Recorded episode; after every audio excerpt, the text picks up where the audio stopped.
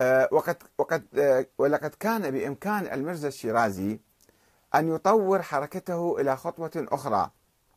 هي معالجة أزمة الحكم في إيران وعزل الملك الموكل من قبل العلماء نواب الإمام المهدي العامين. ذيك الأيام حسب الدستور الإيراني الملك كان يحكم بالوكالة عن المراجع وإذا المراجع آه، يعني أمروا بعزله يجب أن يعزل.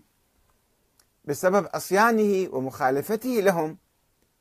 وكان بإمكانه أيضا تغيير طبيعة النظام الإيراني الاستبدادي المطلق الملكي يعني هذا الذي سمح له بتوقيع اتفاقية التبغ.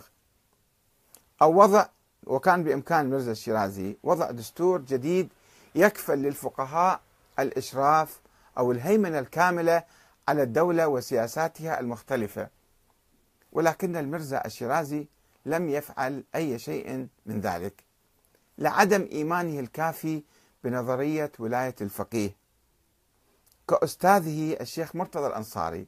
الشيخ مرتضى الأنصاري أيضا كان يرفض الايمان بنظرية ولاية الفقيه ويقول دون إثباتها خرط القتاد الذي لم يكن يقول بها بقوة. وكانت هي محل جدل نظرية ولاية الفقيه تلك الأيام كان الشيخ أحمد النراقي في بداية القرن الثامن التاسع عشر آه، قد كتبها في كتابه عوائد الأيام ولكن العلماء يعني بعدهم ما كانوا هاضميها أو مستوعبيها أو متطورين إلى إلى هذا المستوى فكانوا يقولون لا هذا ما في الأدلة عليها. إحنا في عصر غيبة ولا يجوز إقامة الدولة في عصر غيبة و ولكن الأمر معروف نهي عن المنكر. مثلا من هالباب ممكن نقوم ببعض الأعمال أو نصدر بعض الفتاوى السياسية. فالشيخ مرتضى الأنصاري كان يرفضها بقوة وتلميذه اللي هو محمد حسن الشيرازي. ويبدو أن المرزا الشيرازي كان ينطلق في حركته من قانون الأمر بالمعروف والنهي عن المنكر ولم يكن يملك صورة واضحة عن الفكر السياسي الشيعي في عصر غيبة الإمام المهدي فضلا عن الإيمان بنظرية ولاية الفقيه العامة التي تجيز له الحكم بنفسه. هاي بعدين تطورت يعني.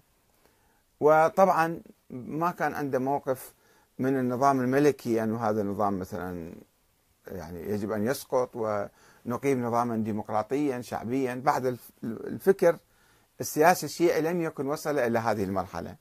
سوف نتابع في الحلقات القادمة يعني ما بعد هذه المرحلة كيف قاد العلماء بقيادة آه، الشيخ محمد كاظم الآخند الخراساني وعلماء إيران هو كان في العراق هذا كان في النجف وعلماء آه، إيرانيون آخرون كيف قادوا آه، ثورة الدستور ما تسمى بالمشروطة ثورة المشروطة أن الملك يجب أن يخضع لبرلمان لمجلس شورى ولا يجوز أن هو يروح يوقع هو راح سفرة إلى بريطانيا ووقع الاتفاقية وورط الشعب الإيراني فبدأ الفكر السياسي يتحرك ويتطور. إن شاء الله في الحلقة القادمة نتحدث عن حركة المشروطة أو الحركة الدستورية الديمقراطية الإسلامية في إيران.